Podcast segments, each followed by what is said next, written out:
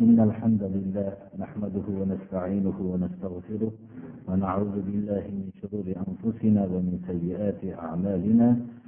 من يهده الله فلا مضل له ومن يضلل فلا هادي له. وأشهد أن لا إله إلا الله وحده لا شريك له. وأشهد أن محمدا عبده ورسوله. أما بعد السلام عليكم ورحمة الله وبركاته. Avvalgi darsimizda alloh subhanahu va taoloning ba'zi bir islom hukmini poymol qilib ollohni buyrug'ini poymol qilib va bandalarning huquqlarini poymol qilgan ba'zi bir jinoyatchi kishilarning alloh subhanahu va taolo tarafidan ularga tayinlagan jazolarini o'rgangan bo'ldik. Bu jinoyatchi odamlarning mollariga nohaq tajovuz qilib tortib olgan jinoyatchi hisoblanadi. Buni ya'ni bizni tilimiz bilan o'g'ri deb aytilinadi o'g'ri kishi va o'g'ri ayolni ma'lum bir tafsilotlarni biz avvalgi darsimizda to'la tushuntirgan bo'ldik. Uning qo'lini qirqishlik haqidagi hukmini va yana yerda buzg'unchilik qilib fasod qilgan islomiy jamiyatdagi xotirjamlik holatini buzgan jinoyatchilarning hukmini o'rgangan bo'ldik. Bu hukmlar hammasi alloh subhanahu va taolo tarafidan bo'lgan hukmni ijro qilinishlik sharti bilan islomiy hukm hisoblanadi. Agar har qanday odam har qanday martabasi ortiq bo'lgan kishi tarafidan o'ylab chiqilgan hukm bu hech qanday islomiy hukm deb atalmaydi. Chunki koinotu yerni yaratilishligida biror bir kishining haqqi yo'q. Koinoti yernidagi mavjudotni yaratishlikda yo'qdan bor qilishlikda biror bir kishining sharikligi bo'lmagan. Hatto go'ng titib yurgan qora pashshani ham eng dunyoning zo'ravonlari jamlansa ham yarata olmaydi. Bir tomchi suvni hamma ilmli hamma o'zining jihozlarini ilmli kishilar zo'ravonlar ishga solsa ham bir tomchi suvni yo'qota olmaydi. Nima uchun? U suvni yo'qdan bor qilgan emas. Uni yo'qdan bor qilgan zot alloh subhana va taolo. Uni bordan yo'q ham qiladigan zot uni yo'qdan bor qilgan zotgina qila oladi. Koinotni hokimligi alloh subhanahu va taologa xos. Buni hech kim inkor qilolmaydi. Hatto dinsizlar ham inkor qilolmaydi. Lekin hayotdagi qonunni yagona alloh subhana va taolo tarafidan bo'lishligini hamma tasdiqlolmaydi. Buni tasdiqlagan kishi mo'min tasdiqlamagan kishi kofirdir. Shuni yaxshi bilishimiz kerak.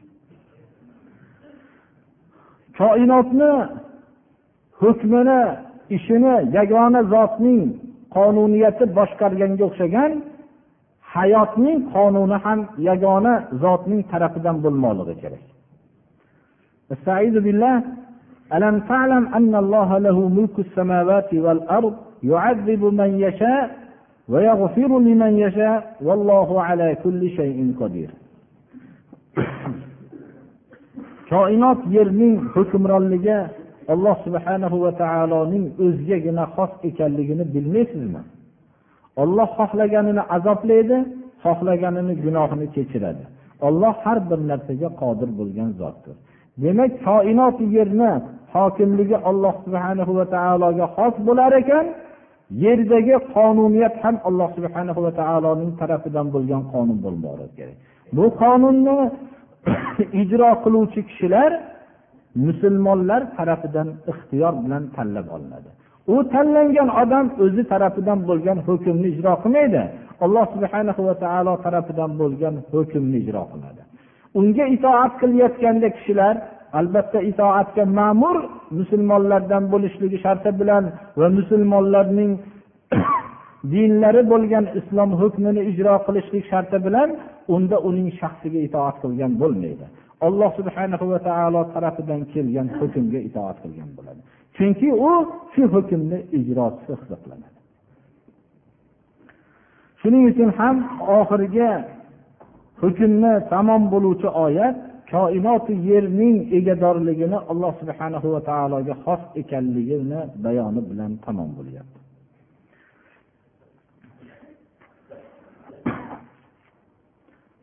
Rasululloh sollallohu alayhi vasallam madinada madinaga hijrat qilganlarida madinada banu qaynuqo banu qurayva banu nadir nomli uchta yahudlar qabilasi hukm surardi. Bular makka makkadagi va madinadagi mushriklar umuman madinada yashayotgan mushriklar bilan o'rtalarida jang bo'lgan vaqtda ular duo qilishardiki alloh subhanahu va taolo tarafidan yaqin kunlar qoldi oxirgi payg'ambar jo'natiladi shunda sizlarning biz jazoilarni beramiz deb yurishardi. Ular arab xalqidan alloh subhanahu va taolo o'zining oxirgi payg'ambari muhammad alayhissalomni tanlagan vaqtda hasad qilishib eng qattiq dushmanlarga aylanishdi. Bularning dushmanliklari payg'ambarimiz sollallohu alayhi vasallam madinaga kelganlarida ziyoda bo'ldi. Ular taban dushmanlar zaiflashib borgandan keyin nohaq bo'lgandan keyin o'rtada josuslardan foydalanishadi. Dunyodagi hamma zolim toifalar ollohni yo'lini qurmagan kishilar shunday josuslarni paydo qiladi. Har bir millatda o'zining xalqini sotishlikka o'zining dinini sotishlikka shu bilan tiriklik qiladigan habis insonlar bo'ladi. Mana bu munofiqlar yahud qabilalariga bordi keldi qilishib tillari bilan iymon keltirdik deb. Payg'ambarimiz sollallohu alayhi vasallamning oldida yurishib va ulardagi xabarlarni yetkazib yahudlarga yetkazib islomga zararlarni yetkazayotgan munofiqlar taban bor edi. Mana bu vaqtlarda rasululloh sollallohu alayhi vasallam munofiqlarni yaxshi tanar edilar. Lekin u kishi ma'mur bo'lgan hukm shu ediki ularning zohirlarini olib qalblarni olloh subhanahu va taologa topshirish edi lekin ba'zi bir zararlar bo'lgan vaqtda g'amgin bo'lardilar. Va shariat tarafidan ma'mur bo'lganliklari uchun ularga hech qaysiga jazo bermasdilar. Ammo bilganliklari shunday darajada ediki biror marta madinadan jilgan vaqtlarda biror bir viloyatga voliy qilib qo'ygan emaslar. Hatto yamoniy ismli sahobaga munofiqlarning soninigacha hammasini aniq qilib ham aytib qo'yganlar. U kishi payg'ambarimiz sollallohu alayhi vasallamning ashoblari ichida sirni mahkam saqlaydigan sahobalardan deb mashhur bo'lgandir. Shuning uchun ba'zi vaqtlarda ashoblar yamoniydan ba'zi sirlarni so'raganlarida rasululloh sollallohu alayhi vasallam sizlarga nima degan bo'lsalar menga ham shunday so'zlarni aytdilar deganlarda yo'q sizga bizga aytmagan sirlarni ham aytadilar. Munofiqmi falonchi? Shuni aytib bering deganlarda nima uchun menga payg'ambarimiz sollallohu alayhi vasallam sizlarga aytmagan sirlarni menga aytadilar? Deganlarda siz birovga aytmasligingiz uchun aytadilar. Unday bo'lsa men sizlarga aytsam rasululloh sollallohu alayhi vasallamning sirlariga xiyonat qilgan bo'laman dedi ana umar ibn hattob hatto bu kishi xalifa bo'lgan vaqtlarda biror bir kishi vafot qilgan bo'lsa qarar ekanlar yamoniy shu janozaga bormayotgan bo'lsalar bu kishi ham bormas ekanlar. Bilib turib shu janozaga bormaganliklarini bilib ha bu munofiq bo'lganligi uchun janozaga bormayaptilar deb u kishi ham qolar ekanlar.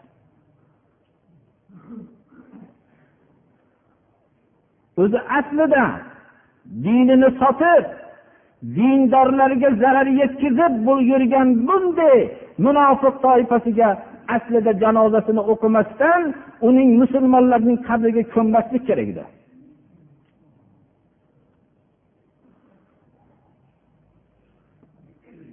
Rasululloh sollallohu alayhi vasallamdek zot ham bundan qiynalardilar.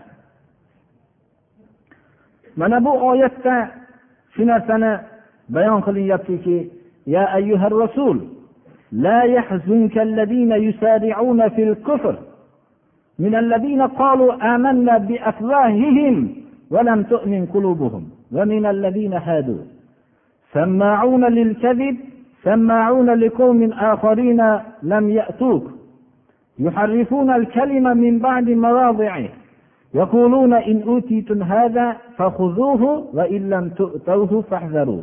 ومن يرد الله فتنته فلن تملك له من الله شيئا. أولئك الذين لم يرد الله أن يطهر قلوبهم لهم في الدنيا خزي ولهم في الآخرة عذاب عظيم.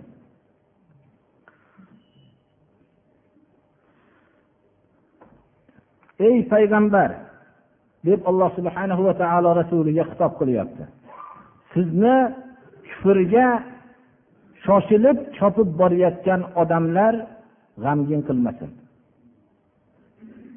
Ular kimlar? Og'izlari bilan iymon keltirdik deyishadi. Agar musulmonmassan desangiz tamomiy siz bilan jang qiladi. Og'iz bilan iymon keltirdik deydi.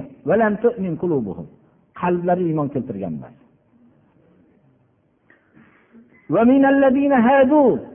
Sizga zarar yetkazayotgan bu yahudlarning harakatlari g'amga solmasin sizni. Hatto alloh subhanahu va taolo bu yerdagi tillari bilan buni iymon keltirdik deb qalblari iymon keltirmagan kishilarning dinga butun zarar yetkazib turgan yahud toifasidan ham oldiga qo'yib gapiryapti. Diniga zarar yetkazib maosh olib dinini sotib shunday qilganlar eshitib olsinki tillari bilan iymon keltirdik deb. Dinga zarar yetkazib yurgan kishilar yahud toifasidan ham oldiga qo'yib qo'yilyapti.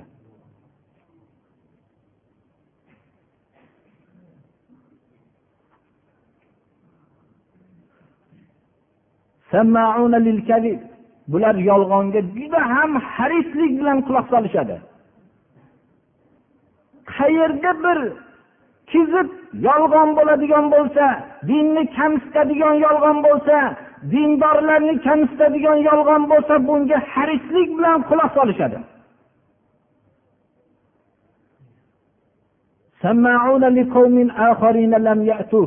Ey payg'ambar sizni oldingizga kelmagan sizni oldingizga mutlaqo kelmagan sizning dushmanlaringizni so'ziga juda harislik bilan quloq solishadi. Rasululloh sollallohu alayhi vasallamning oldilariga kelmagan boshqa kishilar kimlar edi? U kishiga zarar yetkazayotgan banu qaynuqo banu nazir bani qurayza qabilalari edi bularning so'zlariga juda harislik bilan sammaun mubolag'a siygasidagi juda ham quloq solishadi.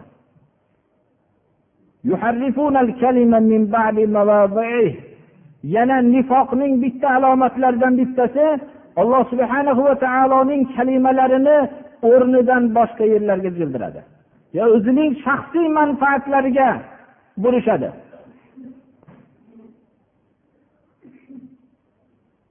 Mana bu birodarlar nifoqning alomati.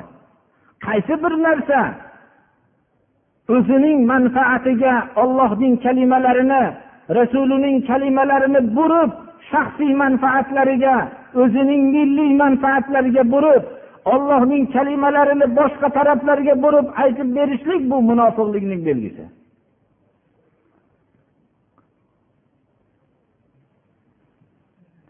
Rasululloh sollallohu alayhi vasallamning davridagi yahudlar ba'zi bir masalalarni payg'ambarimiz sollallohu alayhi vasallamning oldiga kelib so'rashardi. So'rashlikdan maqsadlari bir bu hukmni ijro qilishayotganda payg'ambar aytib bergan buni deb o'rtalarida hujjat qilib bunga quvvat berishliklari uchun. Lekin o'zaro nasihatlari shu ediki agar ra'yimizga muvofiq gapni aytsa qabul qilamiz. Ra'yimizga zid bo'ladigan gap bo'lsa qabul qilmaymiz buni olmanglar deb o'rtada o'zlarining shunday josuslarini ishga solishardi.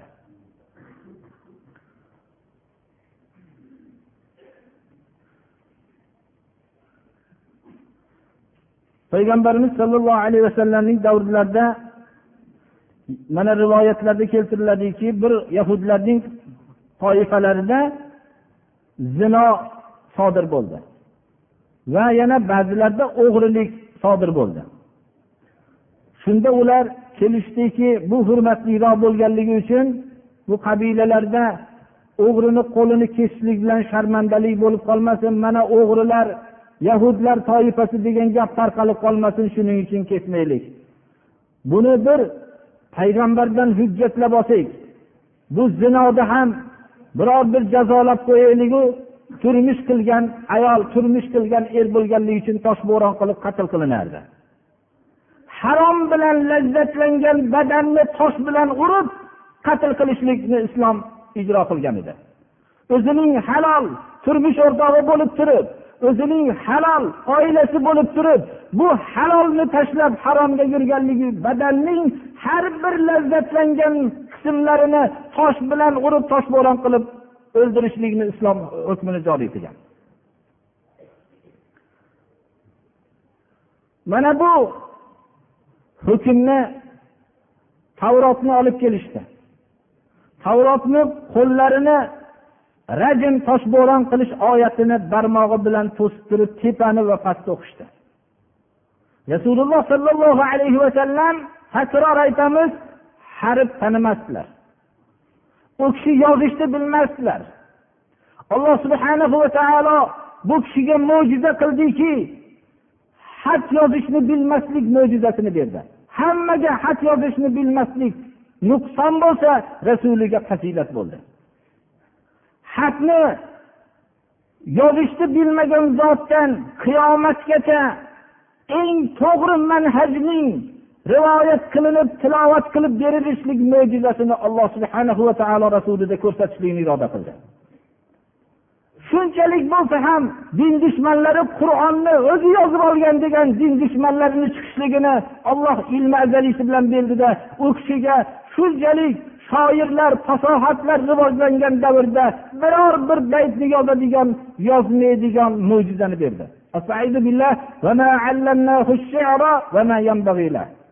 Biz sizga she'rni bildirmadik she'r sizga loyiq ham emas.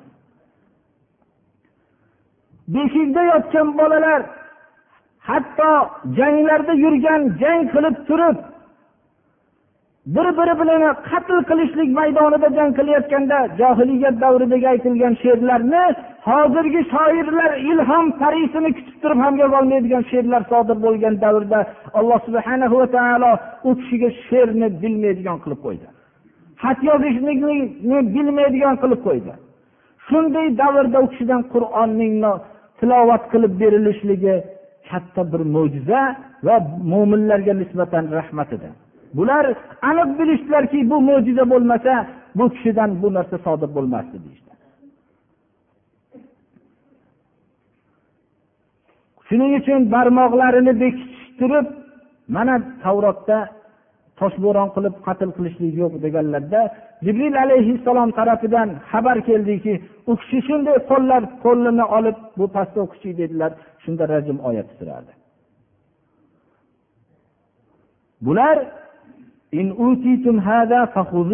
agar mana shu biz aytgan hukmni bersa qabul qilinglar. Agar berilmasa shu hukm sizlarga ehtiyot bo'linglar buni hukmini olib kelmanglar deyishardi. Hozirgi vaqtda ham bizning ba'zi bir masala so'rashlarimiz shunga o'xshaydi. Masalani shaharma shahar so'rab yuraveramiz.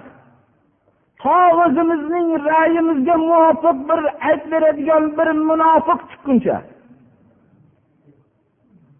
Agar olloh rasulini hukmini aytadigan odam chiqsa indamasdan ketaveramiz.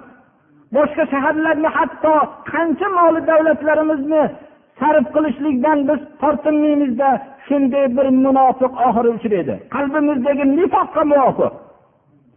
Ana u munofiq o'zining hukmini bayon qilib bergandan keyin sizdagi oladigan moli davlatga haris bo'lib shu harom mol molni olib sizning raizga muvofiq masala aytib bergandan keyin bu narsani siz kuchli domlani topdim deb yurasiz.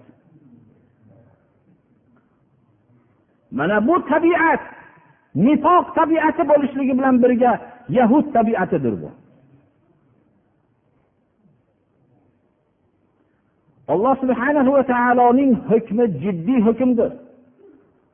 Xohlagan bu hukmni iymon keltirdim degan bo'lib desin xohlagan kofir bo'lsin. Xohlagan iymon keltirib jannatga kirsin xohlagan kofir bo'lib do'zaxga kirsin. Dinda majburlik yo'q ammo iymon keltirdim degandan keyin u majburdir alloh subhanahu va taoloning hukmini qabul qilishlikka. Go'yo oyat hozir bizga tushganga o'xshaydi. Hozir nozil bo'layotganga o'xshaydi. Hozirgi bizning ahvolimizni bu oyat bayon qilib berayotganga o'xshaydi.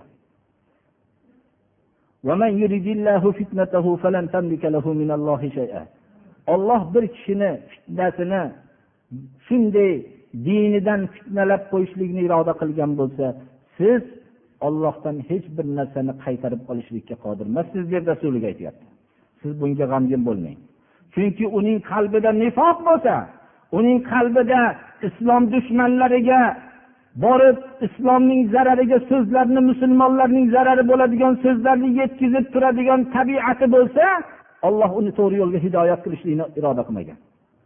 Olloh o'zining hidoyatini arzimas arzon narsa qilmaganki shunday munofiq dinga zarar yetkazadigan kishiga ham berishlikni iroda qilmagan.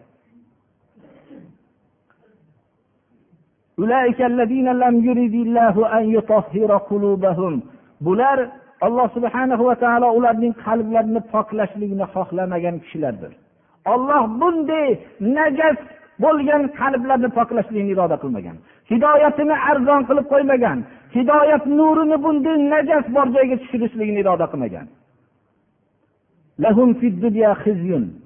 ularga dunyoda sharmandalik dunyoda sharmandalik bilan qutulib qolganda ancha oson bo'lardi ularga oxiratda katta azoblar bordir dinini sotgan dindorlarga zarar yetkazganning sharmanda bo'lmagani bormi tarixda hammasi sharmanda bo'ldi dunyoda hatto uning avlodlari ham shunday isnodga qoldiki dinga zarar yetkazganning avlodi bo'lib peshonasida shunday isnod qoldi ularning aybi bo'lmasa ham. Shuning uchun bir kishi ey farzandlarim men sizlarga tug'ilganinglardan keyin ham yaxshilik qildim tug'ilganinglardan ilgari ham yaxshilik qildim degan ekan. Shunda farzandlar dadasidan so'ragan ekanki tug'ilganimizdan keyingi yaxshiligingizni bilamiz. Ammo tug'ilganimizdan ilgarigi yaxshiligingiz nima dadajon deyishganda aytgan ekanlarki men sizlarning sha'niylarga dog' tushirmaydigan sizlarga ona tanlaganim sizlarning tug'ilishliginglardan ilgari yaxshiligim degan. Sizlarga ko'chalarda uchragan odamga o'zining nomusini sotadigan ona tanlamadim degan ekan. Xuddi ba'zi kishilar ham nabiralariga aytishligi mumkinki men sizlarning farzandlarim qizimni qiziga ham aytishligi mumkinki men nabiralarimga ham yaxshilik qildim deb nima uchun deb so'rashganda unga javob berishligi mumkinki ey qizlarim sizlarni onanglar meni qizim edi yo sizlarning dadanglar meni o'g'lim edi bularning turmushga berayotgan vaqtimda qizlarimni berayotganda dinga zarar yetkazadigan tabiatli odamga bermagan edim deb faxrlasa bo'ladi. Ana bu vaqt bu o'zimizning hali tug'ilmagan vujudga kelmagan farzandlarimizga bu yaxshilikni esdan chiqarmaylik. U farzandlar dindor bo'lsa islomning hukmini qiladigan pok insonlar bo'lib qolsa o'zlarining dadalarini dindorlarini zarar yetkazib yurib butun dinga zarar yetkazganligini eslaganda birovlarning oldida o'tirishlikdan hijolat bo'ladi. U tanolmaydiki meni dadam emas edi bu deb tanolmaydi hech qachon.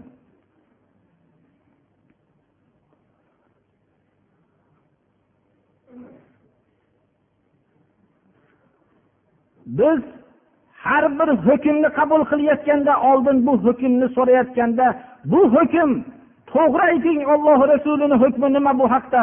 Men buni ijro qilishlik uchun sizdan so'rayapman. Meni rioya qilmang deydigan bo'lib so'ramoqligimiz kerak. Nima deb aytib beray deydigan nifoq qalbida bo'lgan domladan so'ramasligimiz kerak. Bu tarafidan beraymi go'shtni yo bu tarafidan beraymi deb qayog'ini aytib beray halolda beraymi haromda beraymi deydigan bunday domladan so'ramaylik birodarlar. Biz ollohning hukmini biz ijro qilishlik uchun bir narsani so'raylik.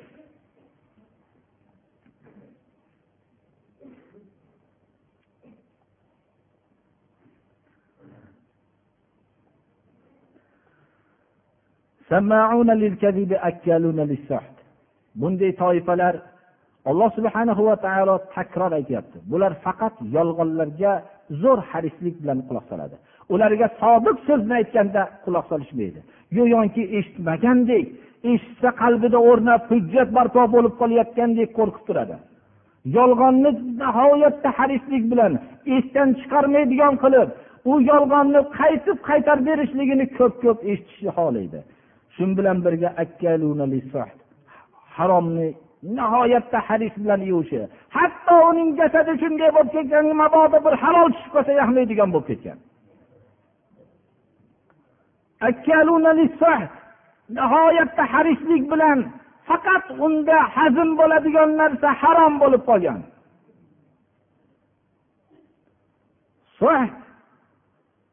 Kalimasi haromdir. Sahata arab lug'atida bu qirqish ma'nosini bildiradi. Harom barakotni yo'qotib tashlaydi qirqib tashlaydi. Shuning uchun haromni arab tilida suh desa kerak vallohu alam. Ana bu qarang ollohni yo'lidan boshqa yo'llarni suyanib amal qilgan dunyodagi davlatlarni bir nazar tashlang. Dunyodagi xalqlar ollohni yo'lini qabul qilmagan jamiyatlarni bir nazar tashlang. Shunchalik harislik bilan moli davlatni ko'paytirish yo'lida xalqlarning ezib bularning kasalmand bo'lib ketishligiga sabab bo'lishligiga qaramasdan alloh subhana va taolo ulardan barakotni ketkazib tashladi. Ular bir oddiy kambag'al bo'lib turgan jamiyatlardagi boylikka ham ega bo'lolmadi nima uchun? Harom tamomiy barakotni yo'qotib tashlaydi. Har bir shaxsiy kishi ham bir shunga nazar tashlasin.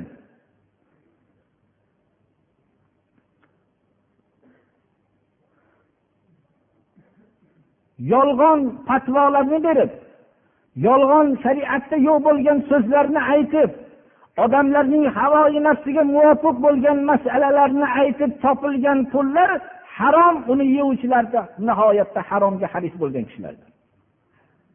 Hatto shariatni buzib tiriklik qilganligi uchun alloh subhana va taolo bularning jasadiga halol yaxmaydigan qilib tashlagan. Ularning oshqozoni hayron bo'lib qoladi bu qanaqa taom bu? deb halol kirib qolsa.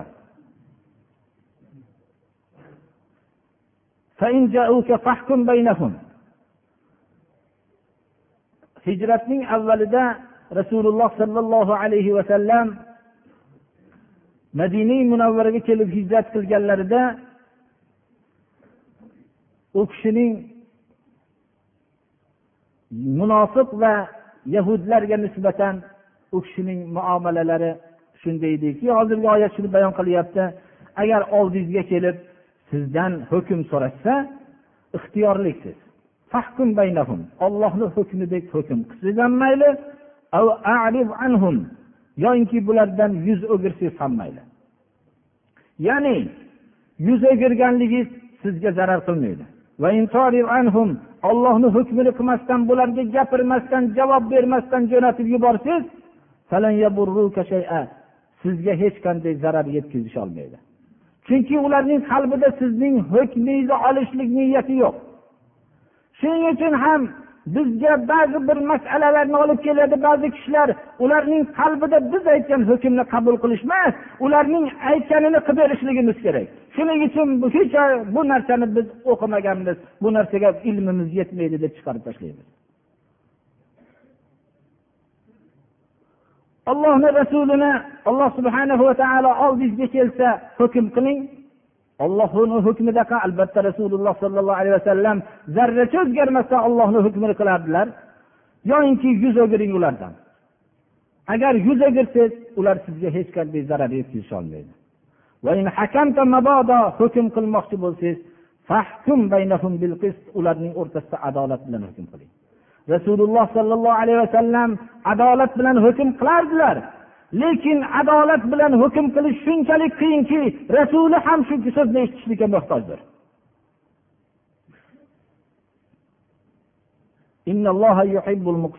Alloh subhanahu va taolo adolatchilarni suyadi. Odamlar qalbida nifoq bo'lgan kishilar suymasa suymasin olloh ularni suyadi. Har bir ishda işte adolat bilan hukm qiling olloh sizni yaxshi ko'radi. Rioya qilmang hukm muomala dunyoviy muomala. Bu narsalar boshqa masala. Bu dunyoviy muomalalar ahli kitoblarning taomini yeyish bu narsalar boshqa muomalalar. Lekin hukm bobida sizdan bir masala so'rab kelgan vaqtda jiddiy bo'lingki alloh subhanahu va taolo shunday adolatchilarni yaxshi ko'radi.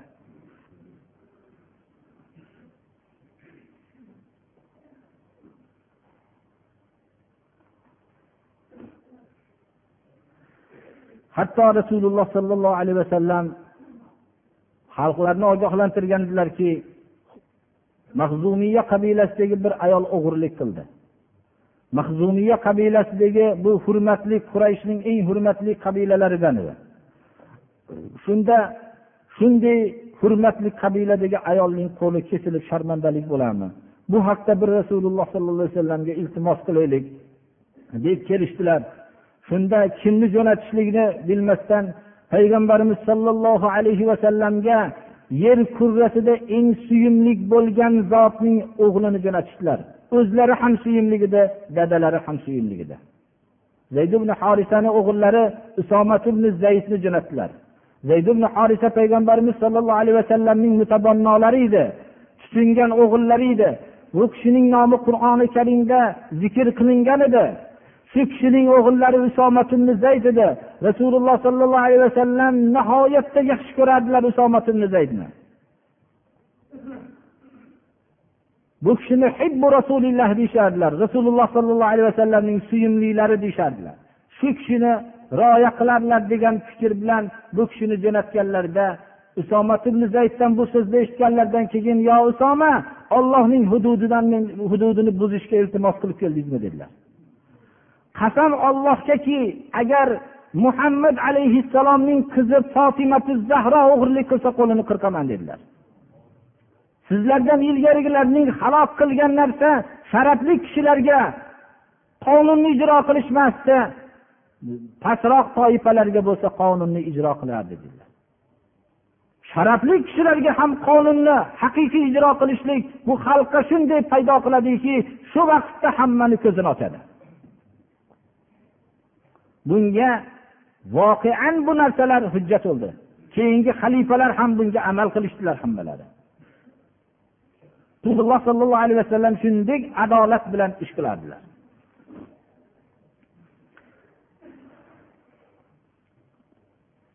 Alloh subhanahu va taolo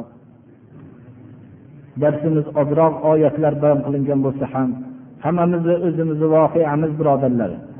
Alloh subhanahu va taolo bizlarga ham shu darsga amal qilishlikni alloh tavfiq bersin har bir darsni kalimasini alloh subhana va taolo qalbimizga jo qilsin va shunga amal qilishligiga alloh tavfiq bersin اهدنا الصراط المستقيم صراط الذين أنعمت عليهم غير المغضوب عليهم ولا الضالين birishda birodarlar birinchi marta shu bizni masjid jome madrasa masjidiga kelishyapti ekanlar Shu chiqib kelayotganimda shularni haqqiga bir duo qilaylik deb shunday dedilar. Alloh subhanahu va taolo birinchi marta mana odamlar har xil narsani muborakbod qilishadi. U u narsalar o'tkinchi narsa. Birinchi marta alloh subhanahu va taologa sajda qo'yish peshonalarni sajda qo'yishlik bu haqiqiy bir muborakbod qiladigan narsa. Kimki haqiqiy suratda shunday sajdaga bosh qo'ysa robbim o'tgan gunohlarimni kechirgin desa sodiqlik bilan o'zingni yo'lingga qaytdim desa olloh o'tgan gunohlarni kafforat qiladi. Hammamizni ham alloh taolo gunohlarimizga kafforat qilsin masala so'ralgan ekan ba'zilar duo qiling debdilar duo qilamiz xudo xohlasa alloh shifo bersin deb. Qiyom haqida so'rashgan ekanlar. Qiyom bu shu diniy taqvimlarda ko'rsatilgan daqiqalarning farqlari hammanglarga ma'lum. Shu diniy taqvimda ko'rsatilgan bo'lsa shuni biz qiyom deb oladigan bo'lsak shu nechi daqiqa davom etishligi zavolda ham shuni yozib qo'yiladi. Ba'zi zavol yozlarda muddatda qishda bo'lishi bilan farq qiladi. Shu qiyomni so'ralishligidan maqsad shu bo'ladiki shu qiyom vaqtida namoz o'qishlik makruh bo'ladi. Kun chiqayotganda va kun qiyomga kelganda va kun botayotganda namoz nafl namoz o'qishlik makruh bo'ladi. Nima uchun? Oftobparast bo'lgan oftobga sig'inganlar shu vaqtlarda namoz o'qishadi. Shularga biz xilof ish qilishligimiz uchun shu vaqtda nafl namoz o'qimay turamiz. Endi qiyomda ba'zi kishilar buni talashib tortishib yurishadilar qaysi daqiqada bo'lishligini. Buni o'lchash uslublari bor. Shunaqa uslublar bor. Biz endi umumiy odamlarimiz buni bilishmaydi. Shuning uchun ana shu diniy taqvimda ko'rsatilgan qiyom ya'ni shu zavol vaqtini aytilingan peshingi vaqti kiradi degan vaqt bor. Shungacha shu bir taqriban shu o'rtadagi vaqtni olib shunda bir nafl namoz o'qimay turgan ma'qul bo'ladi. Ba'zi kishilar tahiyatul masjidni o'qisa bo'laveradi deyishadilar. Tahiyatul masjidni hatto rasululloh sollallohu alayhi vasallam xutbada turgan vaqtlarida bir kishi keldilar. Kelib shunday o'tirayotgandilar tahiyatul masjidni o'qidingmi? dedilar shu namozni ikki rakat namozni.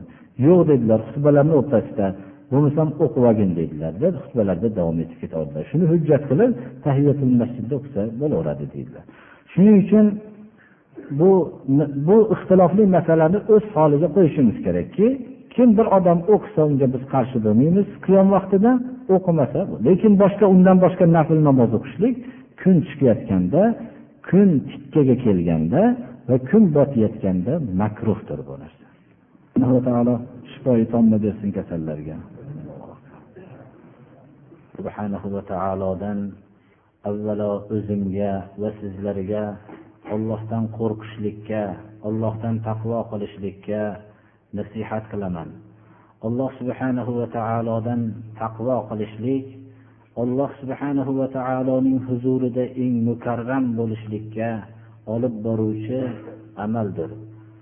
Qur'oni karimda alloh taolo inna akramakum indallohi atqokum odamlar huzurida har xil fosib odamlar ham hurmatli bo'lishligi mumkin. Ba'zi bir kazzob odamlar ham hurmatli bo'lishligi mumkin. Fosiq fojir kofirlar ham hurmatli bo'lishligi mumkin.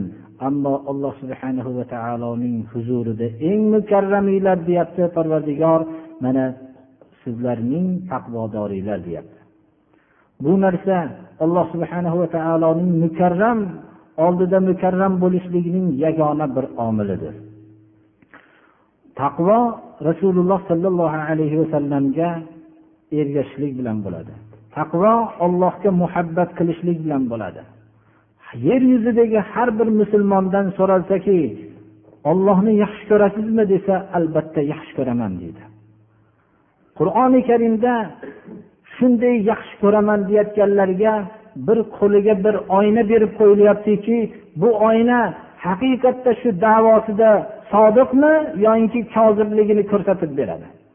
Qur'oni karimda rasululloh sollallohu alayhi vasallamga olloh farmon berib aytyaptiki qul إن كنتم تحبون الله فاتبعوني يحببكم الله ويغفر لكم ذنوبكم والله غفور رحيم ayting ey muhammad alayhissalom agar ollohni yaxshi ko'rsanglar shu davoni qilsanglar menga ergashinglar payg'ambarimiz sollallohu alayhi vasallamga ergashishlikka buyuryapti Kim ollohni yaxshi ko'rgan ko'raman deb davo qilsa rasuliga ergashinglar deyapti. Shunda olloh sizlarni yaxshi ko'radi va sizlarning gunohinglarni mag'firat qiladi. Olloh gunohlarni mag'firat qiluvchi va mehribon zotdir. Mana bu oynaga har bir kishi ollohni yaxshi ko'raman degan kishi bir qarasin rasuliga ergashyaptimi yo'qmi? Rasululloh sollallohu alayhi vasallamga dunyo ishlarida emas dunyo ishlarida payg'ambarimiz sollallohu alayhi vasallam aytdilarki antum a'lamu bi dunyakum. Dunyo ishlarini o'zinglar biluvchiroqsizlar. Din ishlarida men bir narsani buyursam uni ushlanglar agar qaytarsam qaytinglar dedilar.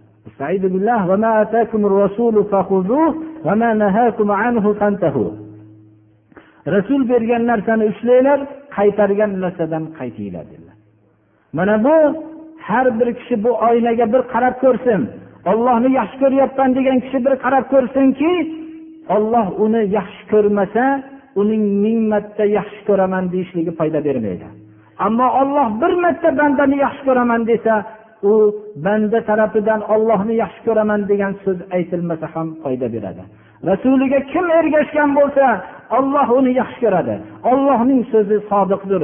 Alloh subhana va taolo o'zi mana ashobi ikromlarga shunday bayon qildi. Payg'ambarimiz sollallohu alayhi vasallamning ashoblari yaxshi ko'rishardi. Otalardan ham yaxshi ko'rishardi farzandlardan ham yaxshi ko'rishardi. Rasululloh sollallohu alayhi vasallamning ba'zi vaqtlarda o'ylab u kishining amallari ko'pligini o'ylashib biz jannatda rasulidan tashqari bo'lib qolamizu u kishining amallari maqomlari baland deb g'amgin bo'lishgan vaqtlarda rasululloh sollallohu alayhi vasallamdan ishora qilib so'rashganlarida aytdilarki al maru man ahabba. Kishi yaxshi ko'rgani bilan bo'ladi dedilar. Shunda payg'ambarimiz sollallohu alayhi vasallamning ashoblariga bu so'zdan ko'ra quvonchliroq bir xabar bo'lmadi. Birodarlar ollohni yaxshi ko'raman degan kishilar rasuliga ergashsin. Rasuliga ergashgandan keyin olloh ularni yaxshi ko'radi va gunohlarini mag'firat qiladi. اللهم استرنا بسترك الجميل في الدنيا والآخرة. اللهم إنا نسألك العفو والعافية في الدين والدنيا والآخرة. ربنا لا تجعلنا فتنة للقوم الظالمين ونجنا برحمتك من القوم الكافرين. ربنا اغفر لنا ذنوبنا وإسرافنا في أمرنا وثبت أقدامنا وانصرنا على القوم الكافرين. اللهم اهدنا إلى ما فيه صلاحنا وخيريتنا في الدين والدنيا والآخرة. اللهم أرنا الحق حقا وارزقنا اتباعه وأرنا الباطل باطلا وارزقنا اجتنابه. اللهم اجعلنا من الذين يستمعون القول فيتبعون أحسنه. اللهم إنا نعوذ بك من الكفر والفقر والجبن والكسل ومن فتنة المحيا ومن فتنة الممات ومن فتنة المسيح الدجال ومن فتنة عذاب القبر والنرد إلى أرسل العمر اللهم حبب إلينا الإيمان وزينه في قلوبنا وكره إلينا الكفر والفسوق والعصيان. وجعلنا من الراشدين وتوفنا مسلمين وألحقنا بالصالحين. غير خزايا ولا مفتونين. صلى الله تعالى على خير محمد وآله وأصحابه أجمعين. رحمتك يا رحمن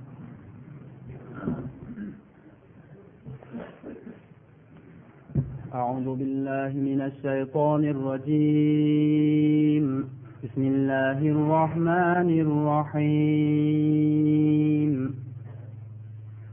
المال والبنون زينة الحياة الدنيا والباقيات الصالحات خير عند ربك ثوابا وخير أملا. ويوم نسير الجبال وترى الأرض بارزة وحشرناهم فلم نغادر منهم أحدا. وعرضوا على ربك صفا لقد جئتمونا كما خلقناكم أول مرة بل زعمتم أن لن نجعل لكم موعدا. ووضع الكتاب فترى المجرمين مشفقين مما فيه ويقولون يا ويلتنا. ويقولون يا ويلتنا ما لهذا الكتاب لا يغادر صغيرة ولا كبيرة إلا أحصاها. سبحان ربك رب العزة عما يصفون. وسلام على المرسلين والحمد لله رب العالمين. اللهم ارحمنا بالقرآن العظيم واجعله لنا ولا علينا حجة يا رب العالمين الله أكبر va din islomga yordam berayotganlarga o'zi yordam bersin dini islomni vayron qilaman deganlarni o'zini ham avlodini ham hamma yo'g'ini vayron qilsin Allohu akbar